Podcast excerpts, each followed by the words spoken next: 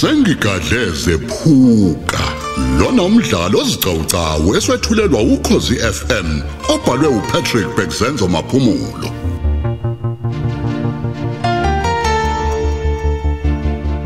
lesi isiqephu sesithathu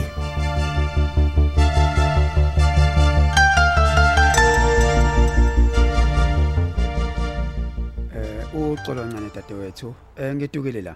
Ngifuna umuzi wakwamhlongo kosikhukukazi khona la kuleli lokishi lasemondla. Eh ngiyaxolisa mfowethu. Angikwazi lo muzo oshoyo. Kodwa ke imizwa kaMhlonge engiyaziyo kule ndawo ithi mayibe mningani impela. Hayi, kungcono khona ke usale sewungiyalelo hoda ngani yakwethu. Mina ke sengiyohamba ngihlwaya ngize ngiwuthole. Eqinisweni ngithunywe ubaba kulowo muzi. Sengilahlekelwe ipheshana elikhomba ukuthi unombolo bani kanye nokuthi ke ungumuphi umgwaqo. Bengisakhumbula khona kodwa Oh oh, okay okay. U- Uyabona ke? Yeqa emgaqo embili Okay. ukusuka lapha. Alright. Lona nje ngesithathu ngunyanda road. Alright. Uzobheka umuzi ongunombolo 863 ngomunye kwemizi yakwamhlongo lowo. Ngikholwa ukuthi ke likhona usizo uzofika ulithola impela. lapha. Ngiyabonga kakhulu sisi wami isikhathi sakho onginike sona. Konje ngizothi ubanike wena dadewethu. Ngumba lenhle sangweni mina bhuti khona lapha kumgozi road. Wow. Haw. Ngiyabonga kakhulu ukwazi sisi. Hayi awuvumuhle mntana umuntu. Omunye umuntu ke engaza funga ukuthi ugeza ngobisi phela wena. Ngithanda nomoya wakho nje intokazi. Nkosi yami ubhuti ngiyabonga ukungcoma kwakho bhuti. Yeah. Uyazi sesikhuluma isikhathi eside impela kangangokuba sesuze isihlukane. Ngingazi nokuthi kambe lo bhuti engikhuluma naye ngubani. Eh ngingokamqeshe ke mina sisi igama lami. Isibongo ngingowakwamcineka kwafahlaza esigodini sasenquthu.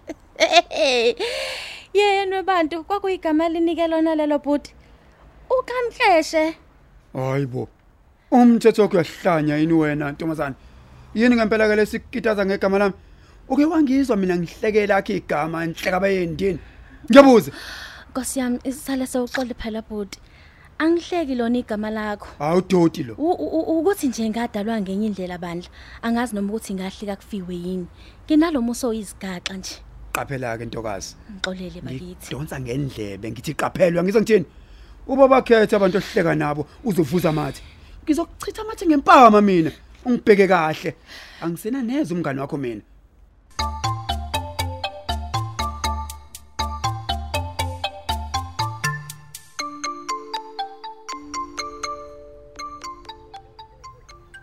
Oh. Siyabonana nkosazana. Ake ngichaze mina ngumseshi uMahlaba njengoba nesiqephezana usibona la kimina. Ngubani lo mlisa kade ukhuluma naye la? Hayibo. Hayibo. Kanti njani lengane bakithi? Yini ngempela lena kuhlekisayo uma ngabe mina ngibuza igama lalomuntu osanda kwehlukana naye lapha? E- eqinisweni angihleki wena muntu omthetho ngihleka indlela obuza ngayo Oh. ungathi uyazi wena ukuthi usecishe wangidla kwathi akangifele lowo muntu ngegama nje Yazi namanje akakawuphendula umbuzo wami nkosazana. Ngibuze nje into eyodwa qha la kuwena. Ngibuze igama lalomuntu kade ume naye. Ngiyaxakeka ke nje manje uma ngabe sengizwa lokhu themeleza kangaka sengathi uthetha ubulandi sicaweni. eqinisweni mseshi lo muntu ekade ngimi naye uzichaze njengokamxeshi ongowakamcineki isibongo Hayibo. Hayibo. Wengane angidlali njalo. Uyangizwa ukuthi ngitsini? Wentombazane anginaso isikhathi sokudlala. njengoba nje kodwa odlalayo umseshi Ngitshela. Usho ngoba uqinisile ngempela ukuthi lo mlisa uthe mayechaza kuwena wayebiza ngokuthi uqamkeshe. kunjalo nje ingani phela yikho kona lokho kuba ngumsindo ngani na ngoba ngivele ngamokha njengensini ngihlekiswa iyo kanye leli gama lakhe hayi ngeke badaliwe abanye abantu lapha emhlabeni Hayibo. Awukahle. Ukushiso yini lokho ntombazane? ukuthi bengibuka ukwenza kwakhe Ya. hey uneconsi bo lo muntu wabantu Eh. angazi konje ukuthi ngingamfanisa nani noma ngimlinganise nani Mm. umuntu nje onekhanda elixegayo lo muntu Mm. hayi Yazi khona into engiyibonayo engeke sisebenzele la. Ngeke kusize ngalutho ukukhuluma umoya emoyeni. Ake ubheke nasi lesi sithombe ngicela usondele nje eh usibuke kahle ehe ehe ngifuna usibhekisise kahle ukuze utshele mina wena ukuthi ngaba kuyena yini lomlisa ohlangane naye bhekisisa ke Mm, Oh okay. Hayibo. ya Habe. Nguyena nenqotho zakhe nje that's emsashilo umuntu. good that's very good ngiyabonga ntombazana ngumbulalo yangizwa ukuthi ngitsini nguye kanye impela lo engimfuna phansi phezulu ubomxwaya lo muntu next time uma esondele eduze kwakho uyangizwa ntombazana Kanti ngumbulali lo muntu. yes Hawu bala ngeke ngasola.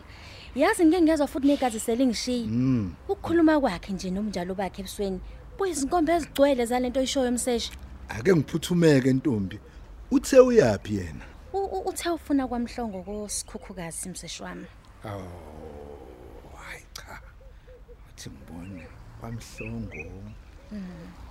Wasikhukhukazi khona ngeze ngathi inkosazana ngoba nami nje ngisayifikela kule ndawo. Akutshele mina ke wena. Ngabe kodwa ukhona lowo muzi la imondlo? Eh eqinisweni ikhona yona imizi yakwamhlongo lapha. okay Ukuthi nje ngixaka ukuthi ngizothi kukuphi kosikhukhukazi. ngiphethe ngokuthini ke phontumbi ngabe umnike muphi umqondo nje kulemibuzo yakhe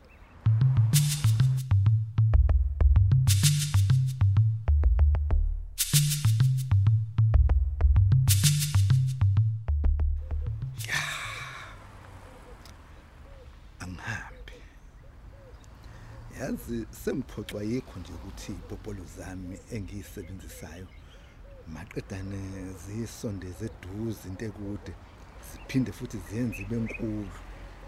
Azibonisisi kahle sinoncwazi kodwa kulungile ngizokusotha lo noma kunjalo siyohlangana esikhaleni sakwantombela nalomlisi kuyosiphuka idindi dadewethu kababa. Ngithi ngeke. Hayi hayi ngabe kuyadlala ngeke. Hayi engikwazi kahle ukuthi ngeke kugcine yena ngaba kwenziwa lutho. Uzowudlala kabili kathathu nje lo mlabalaba wakhe engabanjwa azacabanga ukuthi uhlakaniphile. Kodwa ngithi sigcino Mm. ngiyafunga. Ngiyamkhalela lo njandini nombethe phela iyazenzela nje. Usavuma isikhathi kodwa lithi lingaphuma ilanga ushazwe. Ngeke ngeke ngidlale igebengu mina ngofazi leka baba oh hawu shaya phansi konyawo ngithi nci ngiyaphinda ngithi futhi ngiyabe kuyadlalwa? Ngithi ngeke kwenzeke lo umbhijo ungaphenduka ivovu neqoma liphenduka isiqabetho. Ha!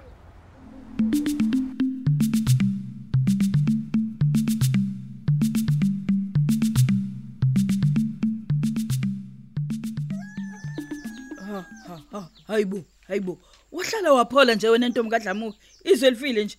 Uthi uyazi nje ukuthi kwenzekani ngapha hayi bomankomondi ungibona ngenza nje kodwa ngempela makho uzuthi ngihlezi ngipholile. Ungathi ungibona nje sengethuwe kwaze kwa- kwa- kwa- kwama nasozwaneni kodwa wena uthi ngipholile. Hayibo upholile. Kumangathi uthi nje phela awushudile eminyango nami ingakho nje kumane kwalula ukuthi ngimane ngingenele ngingazanqonqozana hayi umane uyayisholo nje wena mankomondi yini khona ukushuda? Eh lokho manje se- sesifikile isikhathi sokubizwa kwakho. Yini vese engavimba lezi lezi gebengu negwagwagwa zazo uma nje ngabe se- seyiqonda ukwenza imgilingane yazo. Oh hey. Ngiyasaba hayibo. phela mina nginovalo. Ngibazela ubhlungu nje Hayi. nkosi yami mina yeyibo mina laba abantu abahlelwe yilomshophu we nkosi yami sengathi ishaye nje hey kwavalwa ngehlahla nje igebengu zantsonto. hayi asazi Eh kodwa nkosi yami mankobona. asazi Kazi ngempela, ukuthi ngempela. leli ife limnyama ligubuzele komabani. Ehhe Nkosi yami kudelo wazi kulesi silile singaka semihla yonke le. Siyonqamuka mhla kubusa yipi inkosi kodwa hayibo sayisaphila kabhlungu hayi ophezulu kuphela umnini mandla wonke oyimpendulo yayo yonke lemibuzo yakho. Wena ntombi kadlamuka.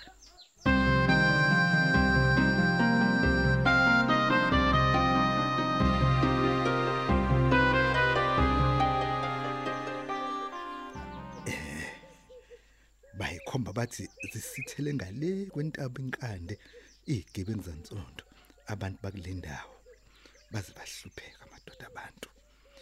Konje ngizokwenza njani konje ukuze ngikwazi ukuqonda ukuqopha lentaba emagelekedla kanje? Awu ngiphethwe nayithumba liyangitsotsa doda ayi lingibambile kodwa kulungile.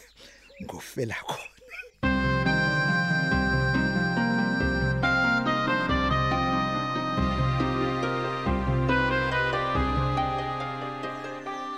Hey kulikhuni ngabantu. hayi kubi Hayi ingane zabantu siyomihla namalanga.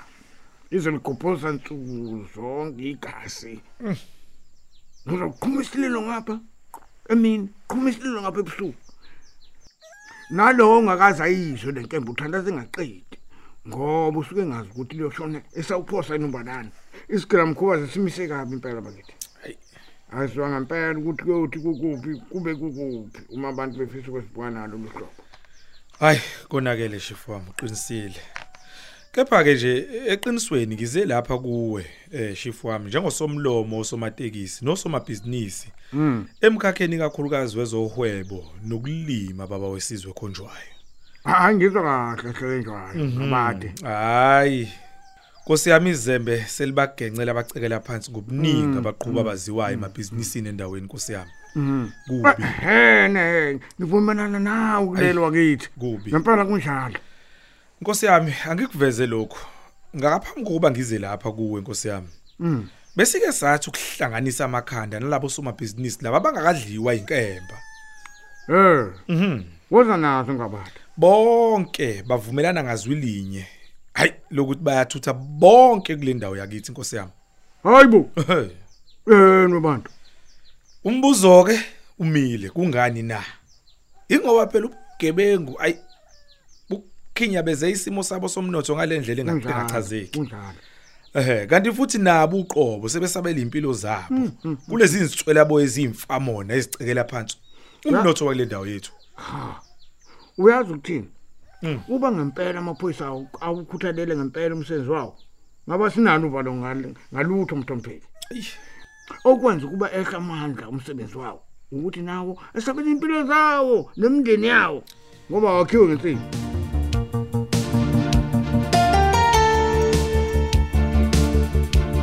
Asubambe lapho ke umdlalo wethu womoya osihloko sithi sengigadle zephuka olethelwa ukhozi FM